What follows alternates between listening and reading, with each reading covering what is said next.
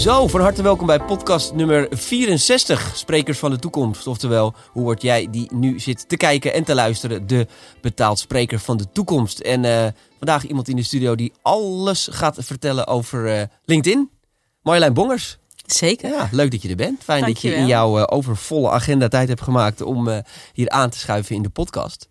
Als we nou eens gaan kijken naar LinkedIn, want dat is echt jouw, jouw expertise. Ja. Je hebt zeg maar van alle social media kanalen heb jij LinkedIn eigenlijk toegeëigend als je, als je expert terrein.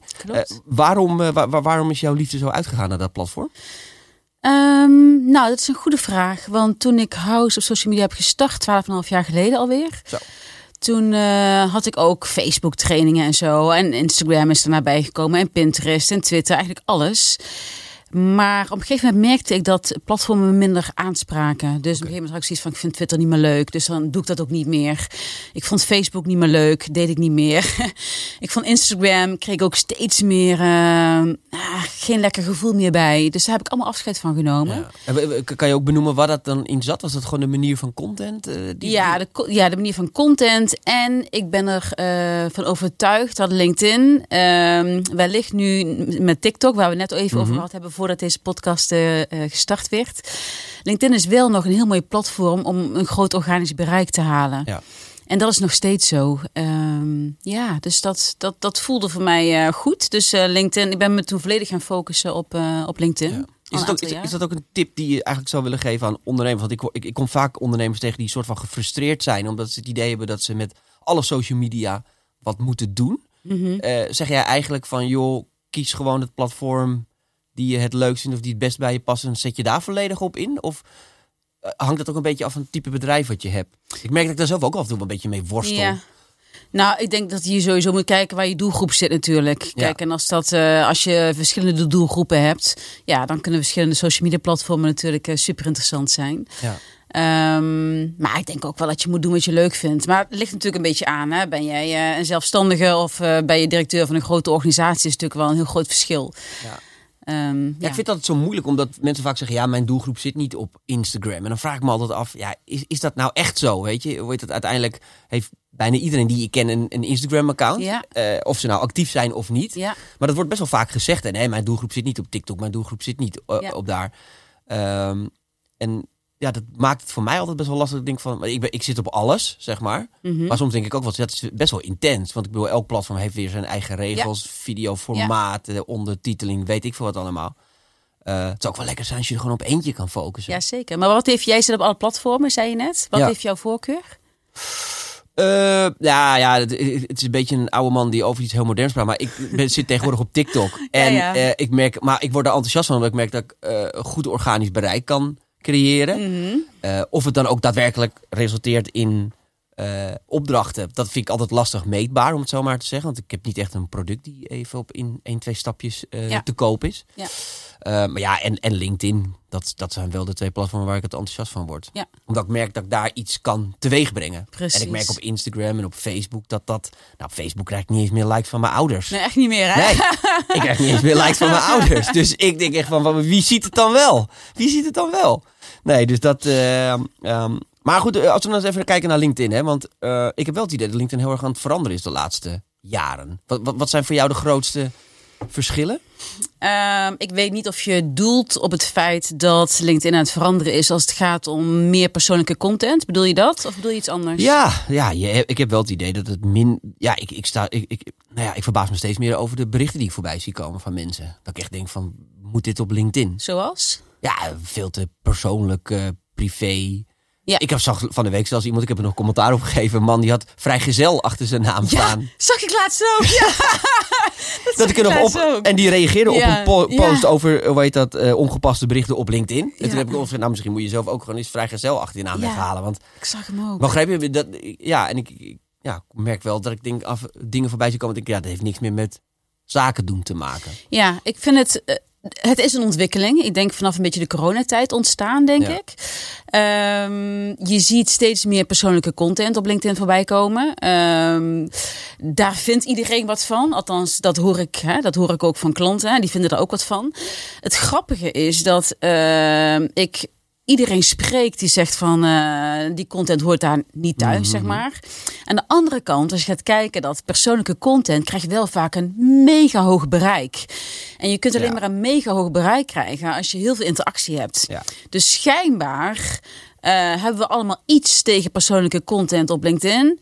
Maar aan de andere kant krijgt die content wel het meeste bereik en de Ja. meeste interactie. Eh, dus dat is een beetje dat ik denk van ja, dat, dat is een lastige. Ehm, als ik eh, de luisteraar advies mag geven, als het gaat over persoonlijke content op LinkedIn.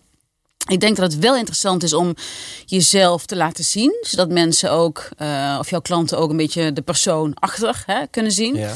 Ehm, en dat je heus wel af en toe iets persoonlijks op LinkedIn mag plaatsen, zolang het een linkje heeft met het werk. Eh, ik heb zelf natuurlijk ook iets persoonlijks gedeeld op LinkedIn over mijn burn-out. Toen ik eh, bijna beter was, heb ik daar een verhaal over gedeeld. Eh, dat is ook persoonlijk. Ja. Heeft wel met het werk te maken. Ja. Dus dat, dat vind ik prima kunnen. Ja. ja, ik vind het wel moeilijk hoor, merk ik in de praktijk. Want ik, ik, ik merk gewoon dat als ik iets. eh, ehm, en misschien kan je daar wat tips over geven. Als ik iets echt puur zakelijks deel. Nou ja, waar uiteindelijk LinkedIn dan voor bedoeld is, denk ik bij mezelf: joh, we hebben een nieuwe spreker, of we hebben iets nieuws, of we hebben een nieuw event. Of zelfs toen ik eh, vertelde dat we speakers verkocht hadden. Nou, dat, dat, dat, dat, dat doet bijna niks. Nee. Maar als ik dan weer een of andere bij de hand opmerking maak over iets met corona of over weet ik veel wat, Ja, woem, dan gaat het meteen viral. ja dat klopt. En ik vind zeg maar dan die mix maken, vind ik verdomd lastig. Heb jij daar wat tips over? Nou ja, kijk, eh, je, je- de- je kunt de 4-1-1-regel toepassen. Ik weet niet of je die kent. Nee, maar het klinkt heel spannend. Ja, dat valt, valt wel mee hoor. Maar de 4-1-regel, die, die, kunnen, die, die kun je hanteren als je dat is last. Ik doe het zelf niet, maar kun je hanteren. Dat betekent dat je vier updates plaatst op LinkedIn waarbij jij kennis deelt. Dus eh, dat, kan, hè, dat kunnen ook eh, de sprekers zijn hier die kennis delen. Hè? Deze podcast bijvoorbeeld. Hè, dan geef je iets aan een ander. Eh, dus vier keer. Eén keer eh, iets meer persoonlijks. Maar dat kan ook zijn hè, dat je met eh, bedrijven een marathon rent of iets doet Ja, voor ja. het eh Kika-kankerfonds of zo. Ja. Verzin even iets. En, eh, en één eh, eh, update eh, met een hele duidelijke call to action naar iets. Gewoon iets wat je verkoopt of iets. Eh, Ja. Nou ja, dat werkt sowieso niet zo goed. Maar iets, naar iets hele, hele duidelijke call to action naar de Ja. website bijvoorbeeld. Dan heb je een goede combinatie. Kijk, want iedereen op social media, dus hoeft niet alleen op LinkedIn te zijn, maar iedereen, dus jij ook en ik ook, we scrollen allemaal door social media en we denken allemaal, what's in for me? Ja. Dus waarom moet ik dat lezen? Ehm, en dat is hartstikke leuk als, als er een nieuwe spreker is bij jullie. Maar ja, hm, weet je. Maar terwijl als jij eh, kennis deelt of als jij iets persoonlijks vertelt, ja, Ja. dat vinden mensen veel interessanter. Ja. Dus dan zit het meer ook in de toon van het bericht eigenlijk. Dus niet- hè, het, het kan nog steeds dezelfde insteek zijn. Want ik wil bekendmaken dat ik een nieuwe spreker heb of een nieuw product. Ja, Maar door hem wat meer naar jezelf toe te trekken dan of zo. Van ik ben heel erg enthousiast Nou, hierover. ja. Of ik ben om deze reden met diegene gaan samenwerken. Door het iets persoonlijker te maken, dat het dan wat beter aansluit of ja. zo. En wat voegt die persoon toe? Dus als je die persoon, die spreker inhuurt, wat heeft hij of zij te bieden op het podium? Ehm, ja. Wat zijn er bepaalde regels op LinkedIn eh, qua grootte van berichten, tijden van plaatsen, dat soort dingen? Is, is daar iets over te zeggen of is dat heel... Ja, da- nou, daar is best wel veel over te zeggen, want Ja. daar is natuurlijk onderzoek naar gedaan. Ehm, ik ben daar niet zo'n fan van, van die onderzoeken. Ehm, en waarom niet? Omdat je, ik vind dat je altijd zelf moet testen. Dus het onderzoek komt bijvoorbeeld naar voren dat de beste dagen dinsdag, woensdag, donderdag zijn. Ehm, maar als je bijvoorbeeld op zondag post, dan zul je zien dat, eh, dat je bericht ook veel bereik krijgt. Want bijna niemand post op zondag. Nee, maar iedereen zit wel op de bank eh, Ja, nou niet iedereen, maar ik denk Nou ja, wel een heel groot gedeelte. Dus ik ben altijd meer fan van ga gewoon zelf testen, weet je. En eh, ga gewoon variëren in contentvormen. Eh, dus af en toe een keer een video, af en toe een keer een foto, af en toe keer een stukje tekst of zo'n pdfje waar mensen doorheen kunnen scrollen. Werkt ook heel erg goed. Dus vooral variatie in content en ga gewoon zelf ontdekken wat, wat goed werkt. Ja, en dan maakt het ook niet uit of je nou per se een heel lang bericht of een heel kort bericht Ik plaatst. ben eh, fan van snackable berichten. En Ja. eh, snackable berichten, daarmee bedoel ik berichten die eh, lekker te lezen zijn. En te lange berichten zorgen er ook vaak voor dat mensen afhaken. Oh ja. Want dan moeten ze zich concentreren om een bericht te lezen. Ehm, ja, en dat hebben men, niet, niet iedereen heeft daar zin in. Dus dan haken ze vaak af. Ja. Dus jij zegt uiteindelijk... Ja, ik heb wel eens een keer iemand gehoord die zei van... Ja, nee, je moet juist, je moet juist veel tekst op LinkedIn zetten. Want LinkedIn gaat om kennis delen. Eh, Ja. En kennis delen lukt niet in twee alinea's, om het zo maar te zeggen. Ja, daar ben ik het niet mee eens. Nee. Je kunt ook kennis, je kan, je kan zelfs in één zin kennis delen. Ja. Dus je kunt langdradig zijn. schrijven. Ja, of je kunt gewoon to the point zijn. Ja. ja. J- Jij geeft heel veel trainingen voor, eh, voor bedrijven. Eh, inmiddels heb je zelfs ook nog andere trainers voor je werken die, Ja. die voor jou op pad zijn. Ehm, wat is denk je de, de, verkeerde, of de grootste verkeerde aanname als het gaat om een social media strategie zeg maar, voor bedrijven? Oeh, eh, nou, bedrijf, eh, een verkeerde aanname. Nou ja, een verkeerde aanname is dat ehm, veel bedrijven denken dat ze ehm, mega succes kunnen boeken door alleen maar de company page in te zetten. En, en dat lukt niet. Eh, oh, Oké, precies. Echt, echt de bedrijfspagina zeg maar. Alleen de bedrijfspagina. Ja. dus dan. eh, Communiceren vanaf het, vanuit het bedrijf. Precies. En ze denken van nou, als we daar maar heel veel volgers krijgen, dan, eh, dan gaan we succes eh, eh, boeken. Eh, maar ik zie de bedrijfspagina niet meer als een prima basispagina op LinkedIn. Maar de medewerkers, die moeten de organisatie uitdragen. Oké, De medewerkers zijn gewoon mega succesvol. En dat is natuurlijk wel logisch, hè? ja. Want we hebben, we hebben veel meer vertrouwen in personen dan in merken of bedrijven. Ja. En, Vertrouwen ligt er wel drie keer hoger ja, zelfs. tuurlijk. Dus ja. ja. Ja, en want, want, want, want hoe werkt dat dan in de praktijk? Moeten dan de, het personeel dan al die berichten van zo'n company page maar gewoon gaan reposten of zo? Of- Nee, nee, nee, dat werkt ook niet. zou zeggen, maar- dat is Nee, natuurlijk wel wat heel veel bedrijven denken. dat hè? zie je ook, hè? Dat bedrijven zeggen, nou, we hebben iets gepost op de company page, delen maar. Ja. Hè? Dat, en, maar ook dat werkt niet. Eh, waarom het niet werkt? Eén, eh, je krijgt veel minder bereik. Dus je, je zult zien als jij iets deelt vanuit een bedrijfspagina, is het bereik veel minder hoog dan wanneer je het bericht zelf plaatst. En twee, je moet ook een beetje, ehm, ja, Stefan Lam zegt dat zo mooi, papegaai-content. Daar moet je voor oppassen. Dat, Ja. je, dat je geen papegaai-content krijgt, dat iedereen maar hetzelfde deelt. Ehm, dus ik ben meer fan van een groep ambassadeurs creëren in de organisatie. En die groep ambassadeurs, die gaan de organisatie uitdragen. Maar die gaan ook zichzelf uit. Hè? Die gaan ook zichzelf profileren. En enerzijds eh, is dat door het creëren van eigen content. En anderzijds is dat door af en toe iets te delen vanuit... eh, ja, niet vanuit de company page, maar gewoon vanuit de organisatie zelf. Ja. Ik heb eens een keer een bedrijf gehoord. Ik ben heel benieuwd wat jij daarvan vindt. Die eh, had van alle medewerkers de inlogcodes. Oh, vreselijk. En dan allemaal in een soort geautomatiseerd systeem gestopt. Dus dat als de company dan iets deelde, dan deelde automatisch ook alle 750 medewerkers dat bericht. Want dan hadden ze veel bereik. En Ja. ja, dan gaat iedereen hetzelfde vertellen. Ja, Ja. Dat is... Nee, ik ben er absoluut geen fan van. Dus ehm, ambassadeurs zijn ontzettend belangrijk. Dus voor bedrijven adviseer ik altijd ga gewoon aan de slag met een groepje ambassadeurs. Ja. Al zijn het er tien of twaalf. En vanuit die groep ambassadeurs ga je weer verder werken. En wat we zien in de praktijk is dat die groep ambassadeurs... die gaan ook weer andere mensen in de organisatie motiveren en enthousiasmeren. Dus die groep die wordt op een gegeven moment steeds groter. Op Ja. een hele natuurlijke manier. Ja, en die moet je dan ook wel. Wat zijn het dan mensen dan eh, die je echt fulltime daarop moet zetten? Of zou je ook gewoon kunnen adviseren om te Nee, zeggen: van, joh, eh, ja, die salesmedewerker die vindt dat dan toevallig heel leuk om af en toe. Want ik denk wel dat fun ook wel belangrijk is. Zeker. Merk ik bij mezelf ook wel.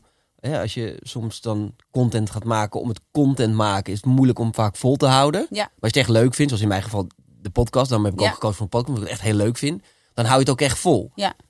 Ehm, maar ja, dan moet je wel op zoek gaan naar de juiste mensen Ja, binnen je zeker. organisatie. Maar dat is zo belangrijk, want eh, je kunt niemand iets. ehm,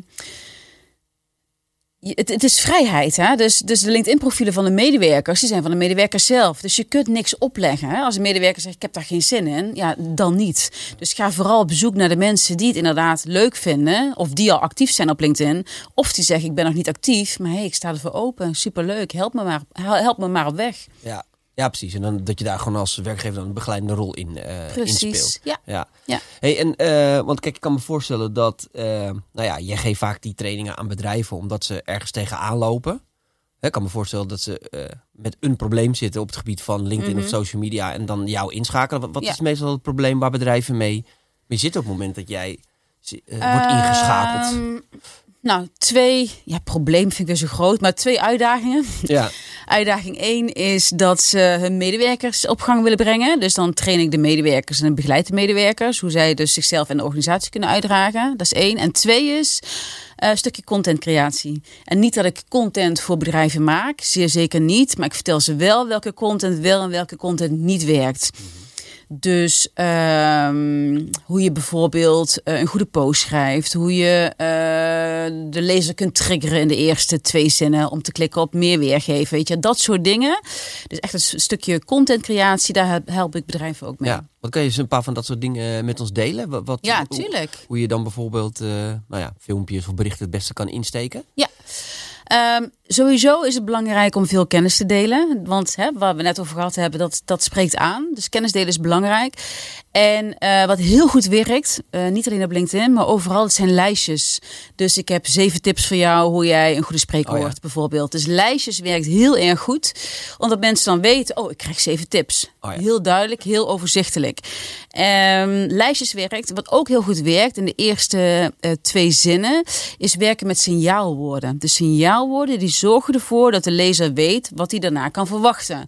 Bijvoorbeeld, ehm, dit is hoe een werkdag bij Coolblue eruit ziet. Oh, weet je wel, als ik nu dit filmpje ga kijken, Oh ja. dan zie ik hoe een werkdag bij Coolblue Ja, eruit ziet. ja. Of ehm, eh, het hoe of het waarom. Dus waarom 84% van de, van de Nederlanders, vul het maar in. Dat zijn allemaal signaalwoorden en die zorgen ervoor dat we geprikkeld worden Mhm. om te klikken op meer weergeven. Dus om je bericht verder te lezen. Ja. Merk je dat het steeds lastiger wordt om content te maken die opvalt? Omdat dat er steeds meer gepost wordt en, en, Ja. en, en Er wordt steeds meer gepost, maar als ik jou nu vertel dat maar eh 1% van de LinkedIn-members content post. oh ja. Dat is toch super weinig? Want hoe, hoe- hoeveel eh, hoe heet dat, mensen zitten er nu op LinkedIn in Nederland, weet je dat? Er zitten de nieuwe cijfers die komen nog, maar van vorig jaar was het 8,3 miljoen Nederlanders. Wow. Waarvan 5 miljoen, even uit mijn hoofd, van 5 miljoen actieve gebruikers. Mhm. Dus ook een hele hoop geen actieve gebruikers. En 1,6 miljoen waren er eh, dagelijks actief. Maar als iemand niet actief is, betekent dan dat hij ook niet op de app kijkt? Jawel, actief maar- gebruiker. Ja, de, de definitie dat is inderdaad wel een hele goede vraag. Want de definitie van een actieve gebruiker is... Die mensen hebben het onderzoek aangegeven. Ik gebruik LinkedIn actief. Dan hoef je nog niet zelf content te posten. Nee, oké. maar je, kunt, ja, ja, ja, ja. je kunt al luisteren of de app openen of Ja, zo. Maar niet actief is dus iemand die echt niet op de app zit, zeg maar. nee. Oké, nee. wel een account, maar die doet er nooit eh, wat mee. Precies, Maar dat is ja. enorm veel. Dat is gewoon bijna heel werk in Nederland die erop zit. Ja. En, maar 1% daarvan is actief met posten. Dat is toch super weinig? Ja, dat is extreem weinig. Ja. Echt hè? Dus eh, ja, er wordt steeds meer Misschien content ook wel gemaakt. dan ook. Want als iedereen wat gaan posten, dan kom je Nee, helemaal niet meer tussendoor. Ja. Nee, en, en op LinkedIn is het gewoon belangrijk dat je zorgt voor die interactie. Hè? Dus de, de, de- die vraag krijg ik ook heel vaak: van hoe zorg ik nou ervoor dat ik meer bereik krijg? Nou ja, hoe meer interactie jij krijgt in de vorm van comments, hoe groter bereik je krijgt met je berichten. Ja. En dan is de volgende vraag vaak van, eh, ja, maar hoe krijg ik dan eh, meer comments? Ja, door gewoon prikkelende content te schrijven, vragen te stellen eventueel. Een stukje co-creatie zou je ook kunnen doen. Hè? Stel, je bent een boek aan het schrijven of eh, nou ja, eh, je, hebt een, je moet een naam verzinnen of je hebt een nieuwe website. Of hè, laat, laat je doelgroep meedenken. En wat ook belangrijk is, is, en dat is misschien wel de grootste valkuil op LinkedIn, wat ik merk, is dat heel veel mensen zeggen van ja, maar ik merk dat de interactie een beetje tegenvalt. En als ik dan vraag, wat doe je dan zelf? Mhm. Dan is het eigenlijk ook vrij weinig. Ja, als in eh, zelf op posten reageren. Ja, precies. Ja, ja, wat je ja. geeft, krijg je terug. Ja, hoort. ja, natuurlijk. Als jij nooit luistert naar andere mensen, dan stoppen de mensen op een gegeven moment ook om te luisteren naar jou. is logisch. Ja. En ik merk ook wel dat het wel belangrijk is voor het aanzwengelen. Maar eh, hierna ga ik no- nog een andere vraag stellen over Mhm. virals. Maar goed, ik merk toch dat ik altijd wel heel erg viral gericht post of zo. Dat ik toch, je hoopt toch dat het dan heel veel bereik genereert. En ik merk wel dat als mensen gaan reageren, dat je dat, dat direct daar weer op reageren heel erg helpt in het aanzwengelen van, van, van het bericht, om het zo maar te zeggen. Zeker. Eh, en dan het liefst ook dat je er even bij blijft. Dus als Ja. jij een bericht post en je voelt misschien al van tevoren aan van nou, dit is een, eh, een bericht wat eventueel viral kan gaan. Ja. Dat weet je eigenlijk van tevoren. 9 van de 10 keer weet je dat wel. Heb Ja. je dat niet? Dat je het van tevoren wel ja, voelt? Ja, ja. Als je er dan een beetje bij blijft, dus ook inderdaad weer om te reageren op de comments, Mhm. ja, dan gaat dat super snel. Ja. Maar goed, dan is de vraag ook, moeten we eh, achter virals aan blijven jagen? Want ik, Nee, heb jou hoor. ook, ja, want ik heb jou ook wel eens horen zeggen dat... Nee, helemaal niet waarom? Ik vergeet nooit meer dat ik, ehm, alsof het heel lang is geleden, valt er Ja. mee. Ik had vorig jaar had ik een post gedaan en dat ging over eh, het badbruisbal-effect. Over die medewerkers die kunnen zorgen voor het badbruisbal-effect, zo noem ik het altijd. En, eh, en die, die post viel me een beetje tegen. Ik had niet zo heel veel bereik. Echt iets van 6000 of zo mensen. Oh ja. Maar uit die post kwamen wel drie concrete aanvragen. Oh ja, ja, ja. Snap je? Dus Ja, en wat zeg je ook eigenlijk? 6000 vond een beetje weinig. nee, oké, maar, nee, maar, het, is, geen- we- het is geen ja. viral post. Nee, ja, ja, mee eens, mee eens. Maar ik kan ook een post maken over iets eh, waarbij ik inga op iets wat nu speelt. Ehm, en, dan, en dan weet ik dat ik een heel hoog bereik ga krijgen. Maar Je haalt er niks uit. ik haal er niks uit. Dus dat is wel een beetje de vraag. Ja. Dus- nee, maar dat vind ik dus. Maar dat, ik vind ook af en toe eh downgraden we het ook wel te veel. Want eh, ik heb ook wel denk ik, ja, jeetje, er hebben maar 1500 mensen hebben eh, mijn post ge- gezien. Of ik heb, ik heb maar vijf. Maar goed, aan de andere kant, als je die in een zaal zou zetten, Ja, precies. heb je, een- heb je een mega volle Ja. zaal. Maar dat doe ik ook altijd. Als het me tegenvalt, dan ga ik die mensen voorstellen Ja. in een zaal. Ja, gewoon carré gevuld. En dan weet denk je. ik van, oh ja, nee, oh wauw, er zijn toch best wel wat mensen. Dus ik streef wel. Ik heb best wel vaak ook dat mensen. Nou ja, goed, ik heb best wel een bereik op LinkedIn. Ik, kom echt wel mensen tegen die af en toe. Hé, hey, ik- ken jou van LinkedIn. Ja, En eh, dan denk ik van, ja, wij zien natuurlijk. Nou, ik, ik zal een voorbeeld noemen. eh, om het, ehm, eh, ik organiseer wel eens evenementen en dan moet je tickets verkopen. En in het voorproces naar evenementen toe zie ik. Eh, ben ik bezig met tickets verkopen. Dus dan ben je heel erg beter. Oh, ik heb 200 tickets verkocht, 300 tickets verkocht. En pas op het moment dat die mensen die zaal binnenkomen, dan denk ik altijd: oh ja, achter Ja. elke ticket zit natuurlijk gewoon een mens. ja zeker. Iemand die gewoon besloten heeft om te zeggen: hey, ik vind het leuk om naar het evenement toe te gaan. Eh, nou ja, en de- ik probeer dus heel erg nu vaak in het voorproces niet te denken in tickets, maar in mensen. Ja. Je bent mensen aan het overtuigen om ergens naartoe te komen. En dat is natuurlijk ook met social media zo. Die Zeker. cijfers zijn er niet voor niks. Nee. LinkedIn verzint ze niet. Nee, nee. Dus als jouw post duizend keer bekeken is, hebben wel duizend mensen die post gezien. En ehm, ja, weet je, dat, dat hoeft er niet altijd meteen 200.000 te zijn. Want net Nee, je zeker. zegt, meestal die posten lever je commercieel weinig op. Mij ja, in ieder ja, geval. dat klopt. Dat is ook zo. Ja. Ja. Ja. Ja, interessant. Wat, wat, wat zijn een beetje de... ehm, Zit LinkedIn heel erg in beweging? Want ik heb wel ook wel eens die zo af en toe eens dingen introduceren... en dan verdwijnt het ook ineens, zoals met de stories en dat soort Ja, dingen. klopt. De stories, dat was geen succes, helaas. Want ik vond het wel leuk, maar het was Ja, geen succes. Maar je merkt ook dat weinig mensen daarnaar keken. Ja, omdat, omdat ik merkte dat de meeste mensen die, die, die vonden het niks. Omdat de leeftijd misschien wat hoger ligt op LinkedIn. Kijk, op Instagram Ja, ja, iedereen ja. gewerkt om stories Ja, ja, ja. te maken. En, Ja. en weet je, dus, maar op LinkedIn is het net wat anders. Ik vond het wel leuk. Ik vond het jammer dat het weg is. Ehm, nee, natuurlijk is LinkedIn continu in beweging. Weet je, ze hebben LinkedIn Audio Rooms, LinkedIn Live. Ehm, ja, dus absoluut niet alles slaat aan. Nee, dus als LinkedIn iets uitrolt, gaan ze natuurlijk ook gewoon kijken van ja, slaat het aan ja of nee? Ja. Is het nee, dan halen ze het ook gewoon weer weg. Ja. Word je ook wel eens, eh, hoe heet dat, eh, heb je wel als contact met LinkedIn? Ja? Ja? Ja, voor mij klinkt LinkedIn Oh. nee, ja, dit is eh, zo'n heel ver- ja, het is een soort van platform. Ik, ik weet niet eens wie erachter zit. hè. Jij weet dat natuurlijk veel beter. Maar word jij ook wel eens ingeschakeld of zo als ja, expert? zeker. Of... Ja, nou, LinkedIn heeft een, eh, een groep ambassadeurs. Eh, dus ik ben officieel LinkedIn-ambassadeur, noem je dat.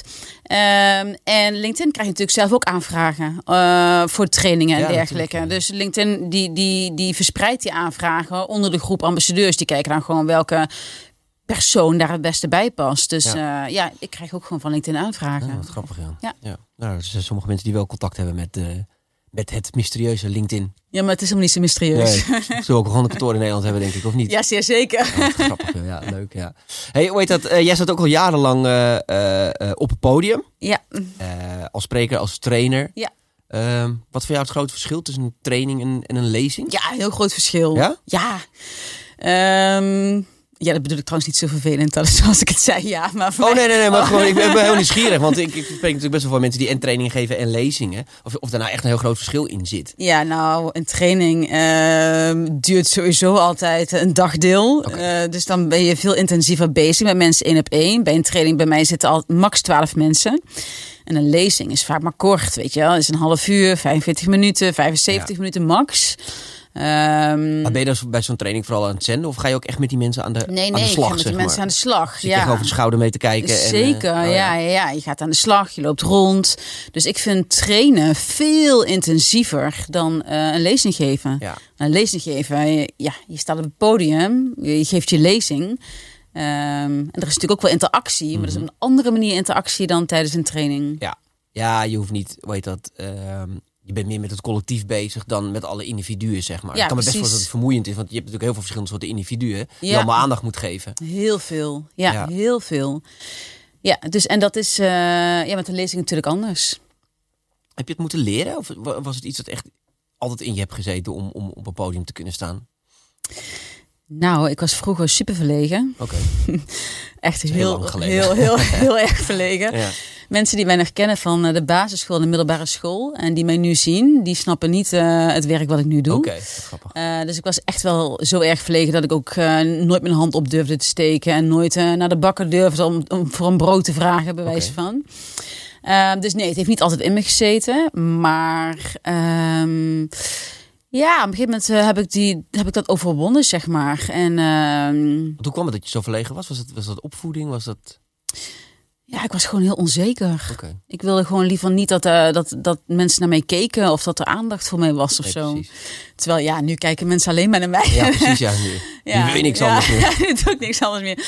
Maar ik sta nog steeds liever op een podium dan dat ik. eh, want vaak is het zo dat mensen zeggen van blijf je daarna nog even borrelen. Oh, ja, ja, ja. dat vind ik gewoon. eh, Dat vind ik heel moeilijk. Dan dat- kan ik nog steeds eh, me onzeker voelen dat ik tussen die mensenmassa Grappig sta. dat dat, ik. Ja, dat, Dat hoor ik van veel sprekers. Ja, weet je dat? is dat veel zo? sprekers zeggen ik sta liever voor 10.000 man dan voor drie.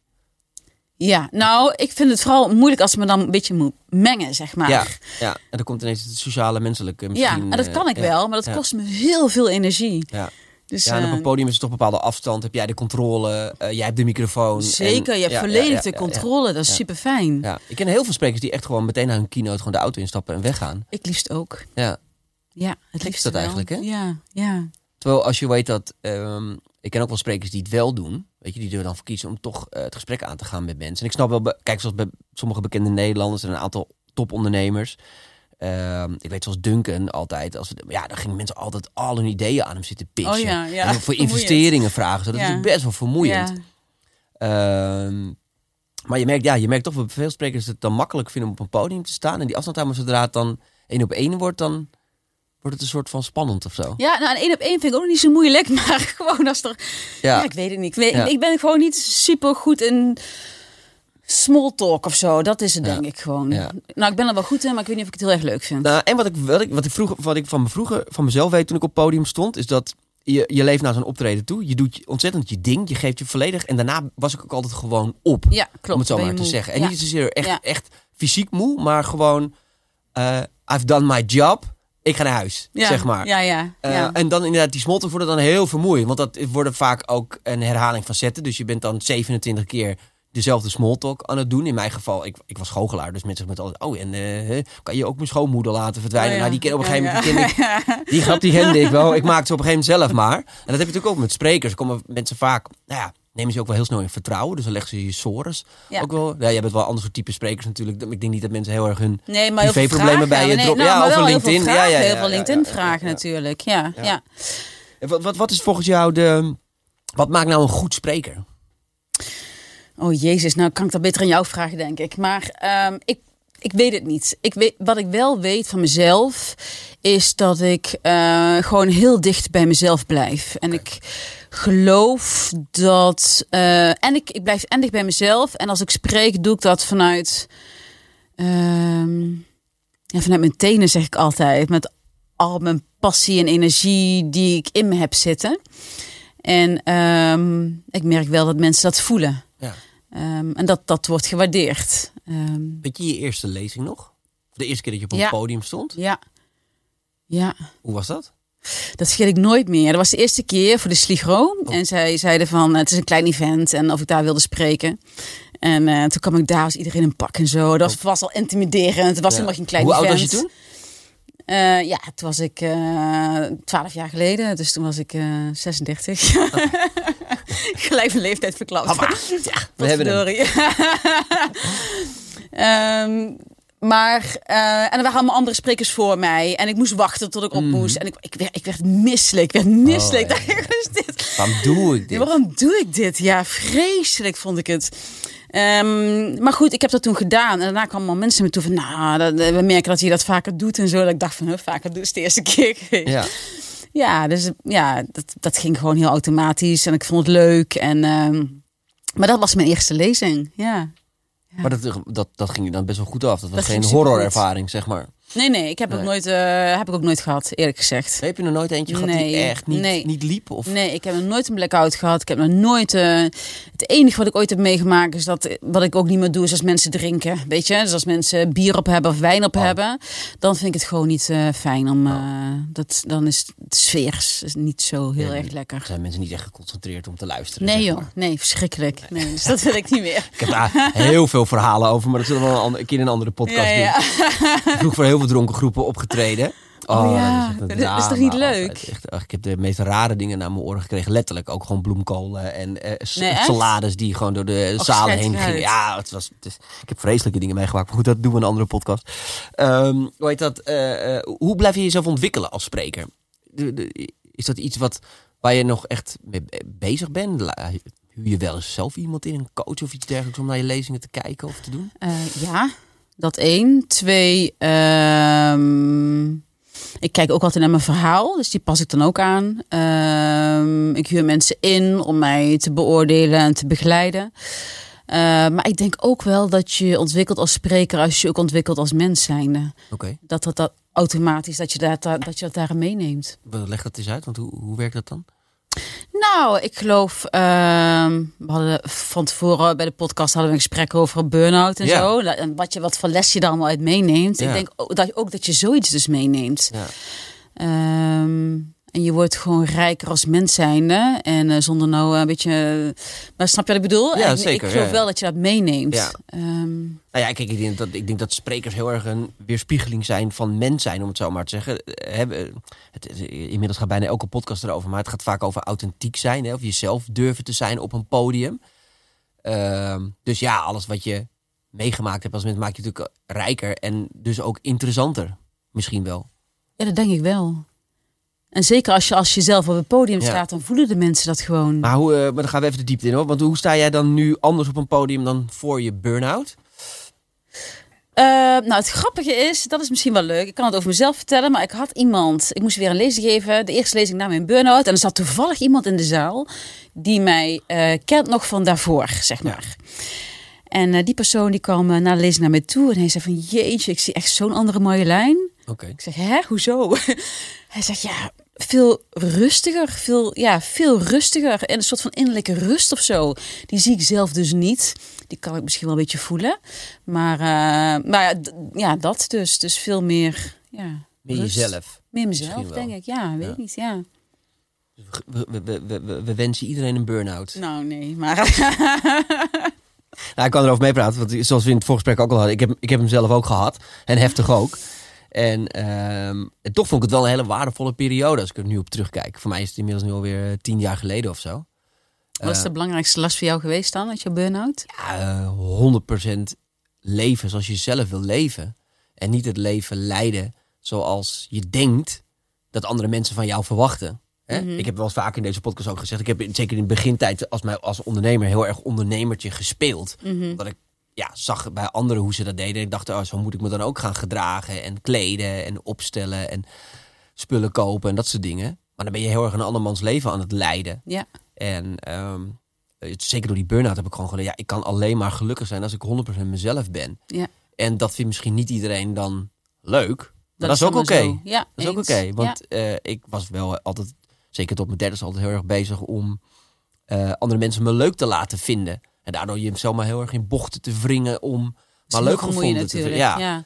En eh, ik denk dat mijn grootste, mijn grootste les is geweest om ook gewoon er oké mee te zijn dat mensen je niet oké vinden. Ja. Ik denk dat het ook niet anders kan, hè? Want niet iedereen Nee. kan je leuk vinden, toch? Nou ja, 100% dat. En doodvermoeiend om daar de hele dag mee bezig te zijn. Oh, om daar wel voor. Ja, voor te zorgen. Ja. En jou, wat, wat is jouw grootste les? Eh, mijn grootste les is. ehm, ja, en dat vind ik nog steeds heel moeilijk. Ik vind het heel moeilijk om te doseren. Doseren is wel echt voor Ja. mij. Ik leef echt met, ehm, ja, met superveel energie. En daarna dan stort ik altijd weer even eh, omlaag, zeg maar. Dus doseren is voor mij eh, een lastige. Wat betekent doseren dan? Meer, meer in balans leven, niet altijd 100% ergens Ja, ik geef ik, in mijn 100%. Als ik iets doe, dan doe ik het. eh, ja, ik weet niet meer dan. Maar dan geef ik me echt helemaal. Ja. Maar dan ook echt helemaal. Maar in alles, weet je wel. Dus En dan vergeet je de rest. Ik vergeet de rest. Ja. Ja. Ja. Dus dan heb ik super veel energie en dan geef ik me helemaal. Ehm, dus doseren, maar ook om niet altijd maar aan te hoeven staan. Kijk, als je elke dag eh, met mensen werkt en elke dag eh, trainingen geeft en tussendoor eh, lezingen geeft, dan moet je altijd aanstaan. Je kunt nooit eens een keer achterover leunen, zeg maar, of hangen. Ja, en nu deel ik mijn dagen totaal anders in. Dus ik ga niet meer elke dag eh, dat ik eh, met training of lezingen bezig ben. Maar ja, ik heb zeker toch twee dagen in de week dat ik gewoon, eh, nou, gewoon lekker of een strategische sessie heb met klanten. Of gewoon lekker een thuiswerkdagje doe. Het is nog steeds werk. Ja, is nog steeds werk. Maar, maar niet dat ik, maar wel rustiger, zeg maar. Ja, oké. Dus, dus wat je misschien wel genekt hebt, is dat je gewoon elke dag op pad was. Ja, Voor anderen. Om anderen verder te helpen in hun leven, in hun carrière. ja, Ja. ja. Maar doe je dan ook wel, eh, zijn er, heb jij dingen zoals meditatie en zo geprobeerd? ja. En werkt het voor je of niet? Mm, nou, ik zal je zeggen, wat voor mij, wat ik wel nog steeds lekker vind om te doen. Ik heb ook zo'n spijkermasje gekocht. Eh, ken je dat? Zo'n spijkermasje is fantastisch. Echt zo'n spijkermasje. En dan eh, ga ik eh, Klinkt mediteren als een op. spijkerbed klinkt het, maar dat is niet. Ja, ik, eh, ja, ik weet niet. Gewoon Oh, het is echt een- spijkermatje. oh, Kun je ja, gewoon op liggen. Ja, gehoord, maar oké, nou, ja. super lekker. en, en, en dan heb ik en dan doe ik daar. Waarom is dat lekker dan? Krijg je prikkels in je... Ja, heerlijk. Maar dan, Oh. ja, ja. Je aandacht gaat dan daar. Jos zit me ook echt aan te kijken, van, waar, waar, waar gaat dit naartoe? Je, je, je, ja, je, ja, je moet er gewoon op gaan liggen. Dan merk je van, het is even pijnlijk, maar daarna is het wel even lekker. Maar, en het is meditatie op het spijkermatje doe ik. Dat vind ik wel even lekker. Maar ik moet je eerlijk zeggen, wat mij gewoon... Wat, wat nog beter voor mij werkt dan meditatie, is, ehm, is, is dat padel spelen. Want met padel spelen ben ik echt gewoon een uur lang Ja, bezig met die bal. Ja. En, en denk ik echt totaal nergens anders aan. Dat is voor mij is echt... Dat vind ik wel een hele goede wat je benoemt, want dat heb ik ook wel heel erg geleerd. Iets te doen waardoor je gewoon eh, je- jezelf verplicht om in het moment te zijn. Want dat is het eigenlijk. Maar hè? wanneer is dat? Nou ja, als Niet je dus heel iets, vaak. Nee, maar dus als je iets, iets, iets vindt, zo, in mijn geval is het dan wandelen en golfen en dat soort dingen. Iedereen, voor iedereen is het wat anders. Eh, maar bij jou is dat met padel, dus dan kun je echt even je, je hoofd uitzetten. Ja. En dat Ja. geeft heel veel rust. Ja. Want wij zijn natuurlijk wel heel erg types. die- Dus ik doe even een aanname voor ons alle twee. Maar dat, we zitten heel erg in ons hoofd. Dat zie, zie je vaak bij ondernemers. Heel erg bezig met volgende stap, volgende dit. En even daaruit stappen is heel belangrijk. Ja, is fantastisch. Ehm, dus ja, ik mediteer. ehm, maar ja, dat is prima om te doen. Ja. ja. Gebalanceerder door het leven proberen te gaan.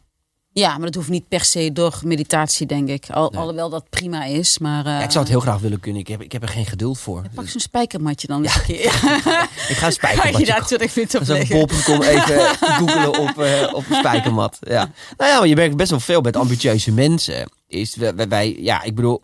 De- en aan de andere kant is het vaak ook wel de manier om ergens te komen. Eh, om, om 2000 procent ergens in te, eh, in te, eh, te stoppen.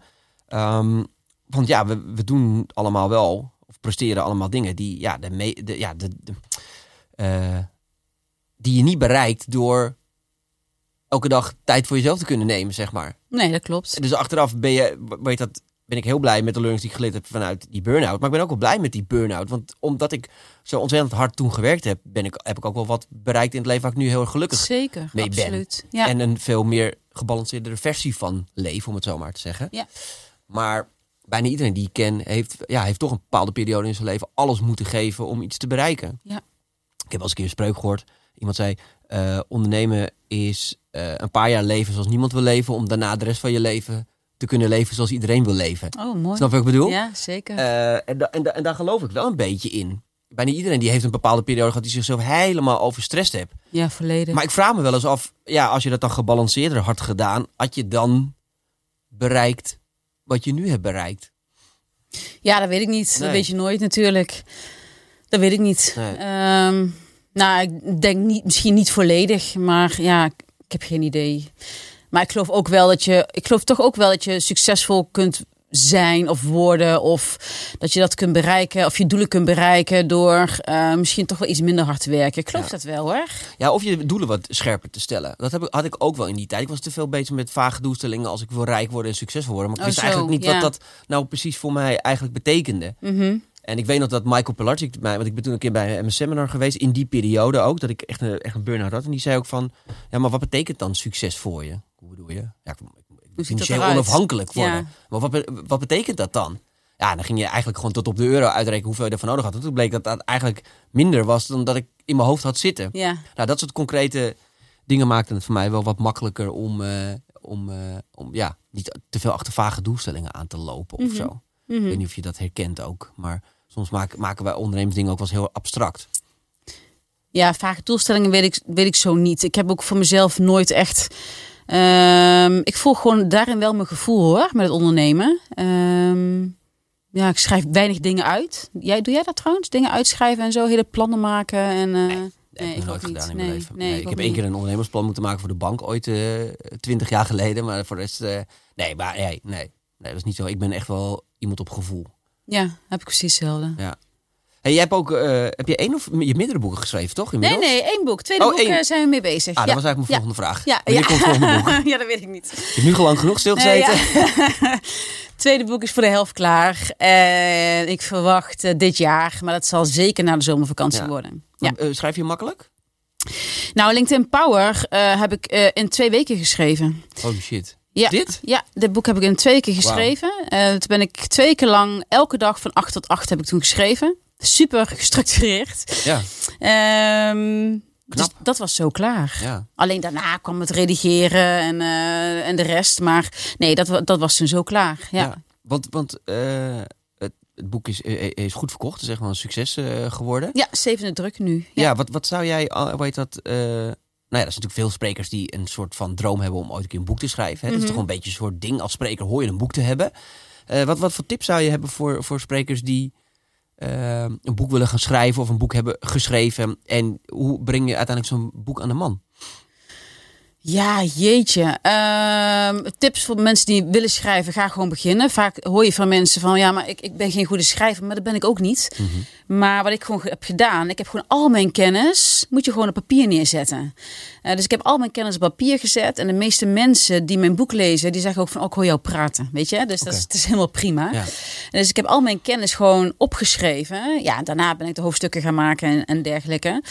Eh, en om het boek te verkopen. ehm, Maar heel even voordat we over verkoop gaan, want eh, is het dan zo dat je gewoon ja, al je kennis, dus nou laten we zeggen, oké, dit weet ik, dat weet ik, dat weet ik. Ja. En, en uiteindelijk heb je, daar heb je daar dan een mix van gemaakt of zo? Ja. En daarna ben ik, eh, want ik ben niet heel gestructureerd.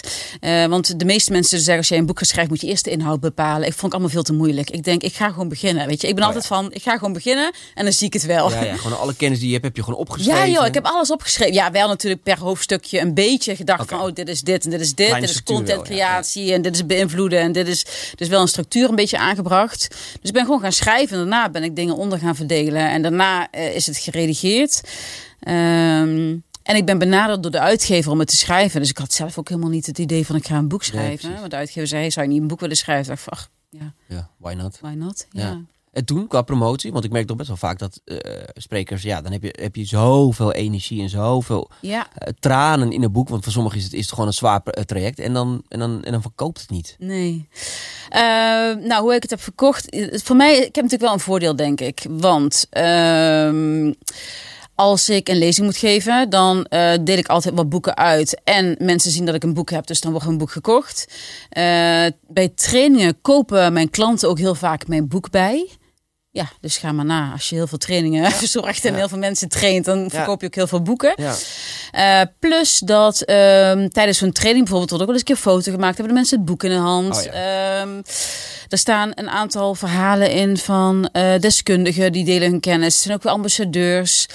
Ehm, ja, dus dat, dat, ja, dat, ja en, en natuurlijk via mijn eigen social media kanalen heb ik het boek eh, ja, gewoon heel goed kunnen verkopen. Ja. Ja. Nou ja, uiteindelijk is dat ook een beetje de gouden regel. Hè? Boeken verkopen lezingen, lezingen verkopen boeken. Ja, dat is gewoon zo. Ja. Ja, Als jij gewoon iedere keer bij je lezing 200 boeken weet te verkopen, hè, dan eh, krijg je natuurlijk een mooi dat. eh, ja.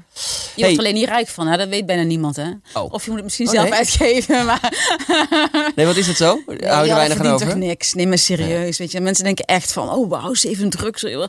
Nee, heb ik niet. Weet je wel. Ik, ik, visitekaartje. 1,50 per verkocht boek eh, Hmm. krijg. Dus eh, ja, het zijn misschien wat leuke vakanties, maar het is niet. eh Nou, het is inderdaad wel. Het volgt wel je autoriteitsstatus. Dat Ja. is echt zo. Ja. En voor sprekers, denk ik, weet niet of hoe ervaar jij dat dan? Zijn sprekers interessanter als ze een boek hebben geschreven? Of Ja, merk je dat kijk, niet? Het is, het is, het is- ik vind het gewoon een, het allerbeste visitekaartje wat er is. Kijk, en of je dat nou in een boek giet, in een podcast of in, weet ik wat, een online academy of zo. Want dat kan natuurlijk tegenwoordig ook. Alleen je merkt wel gewoon, een boek is gewoon nog steeds, geeft je ontzettend veel autoriteit. Hè? De, de, de gouden regels, als je het opgeschreven hebt, is het waar. Dus als jij een boek hebt geschreven, ja, dan, dan ben je de expert op het gebied van LinkedIn. Ja. Eh, eh, al, al was je dat gisteren niet eh, en schrijf je nu een boek, dan ben je morgen de expert van LinkedIn. That's how it works. Ja. Ehm, dus, en het is een lekkere giveaway bij, bij lezingen. Dus het is nog steeds een van de allerbeste dingen die je kan doen als spreker. En gek genoeg, ondanks alle digitale dingen. Je merkt wel een nieuwe trend hoor. Eh, maar weet, dat is toch steeds een boek wel heel erg, eh, wel heel erg waardevol. Ja. Kijk, je merkt wel een hele nieuwe eh, stroming van, van influencers, sprekers om het zo maar te zeggen. Hè, die een eigen community hebben. Dus Ja. die, die, die, die bouwen daar ook wel andere verdienmodellen omheen. Maar ook die vaak schrijven een boek. Mensen willen toch een boek lezen op vakantie, nog steeds. Ja, ja, nou misschien niet eh, mijn boek. Nou ja, waarom Maar, niet? ja, nou, ik denk, ja, het zou kunnen. Maar inderdaad, Ja. ja. Ja, ga jij eens even lekker ont, ontmoedigen om je boek te Nee, lezen op ja, vakantie. ik zeg altijd, als mensen zeggen, zal ik je boek meenemen op vakantie? Ik Zeg, nou, nee, doe het niet, lekker niet. Doen, joh. Nee, maar gewoon lekker Dat zijn veel leukere mee. boeken. Ja, lees mijn boek maar gewoon lekker onder werktijd of na werktijd. Maar Ja, op vakantie, Het is, wel, het is wel eerlijk, het is wel eerlijk. hey, wat hebben we nog? ehm, ehm, eh, heb je nog een soort droom? Als het gaat om, om, om, om lezing? Of Ja. Om, ja? Ja. Tell me. Ja. Ehm, nou, mijn droom is, er komt er nu een tweede boek uit, eh, aan, sorry. En dat boek gaat volledig hoe je gedragspsychologie kunt inzetten op LinkedIn. Ehm, voor meer succes. Het gaat wel echt veel verder dan alleen maar de tips en de tricks over berichtjes plaatsen, om het zo maar te Ja, zeggen. zeer Dus- zeker. Ehm, en ehm, nou, daar kijk ik heel erg naar uit. En als dat boek uit is, dan, ehm, en daar ben ik nu ook al wat mee bezig, wil ik nieuwe lezingen gaan ontwikkelen. Eh, wat volledig gaat over hè, dat stuk gedragspsychologie op LinkedIn. Dus dat, is- dat is wel iets wat ik heel graag wil doen. Eh, mijn bedrijf nog verder uitbouwen. Ik heb nu twee trainers, ik ben bezig met een derde trainer. Ehm, ja, mezelf wat meer focus op schrijven en, eh, en op lezingen geven. Ehm, ja, dat is mijn. En balans. ja, dat is nog het allerbelangrijkste. Ik, wens- ik wens je veel balans. Het zou een nieuwe tegelwijsheid moeten zijn. hey Marjolein, super bedankt. Eh, ik vond het een heel waardevol interview. Dankjewel. Eh, interview vind ik zo Ja, nee, ja, gesprek. Een interview, gesprek. Gesprek, Ja, gesprek. precies. Heel goed. Bedankt voor je komst. Dankjewel. Jullie allemaal bedankt eh, voor het kijken en luisteren naar deze podcast. Eh, check vooral ook onze social media kanalen voor eh, alle andere 63 eh, inspirerende podcasten. Dankjewel.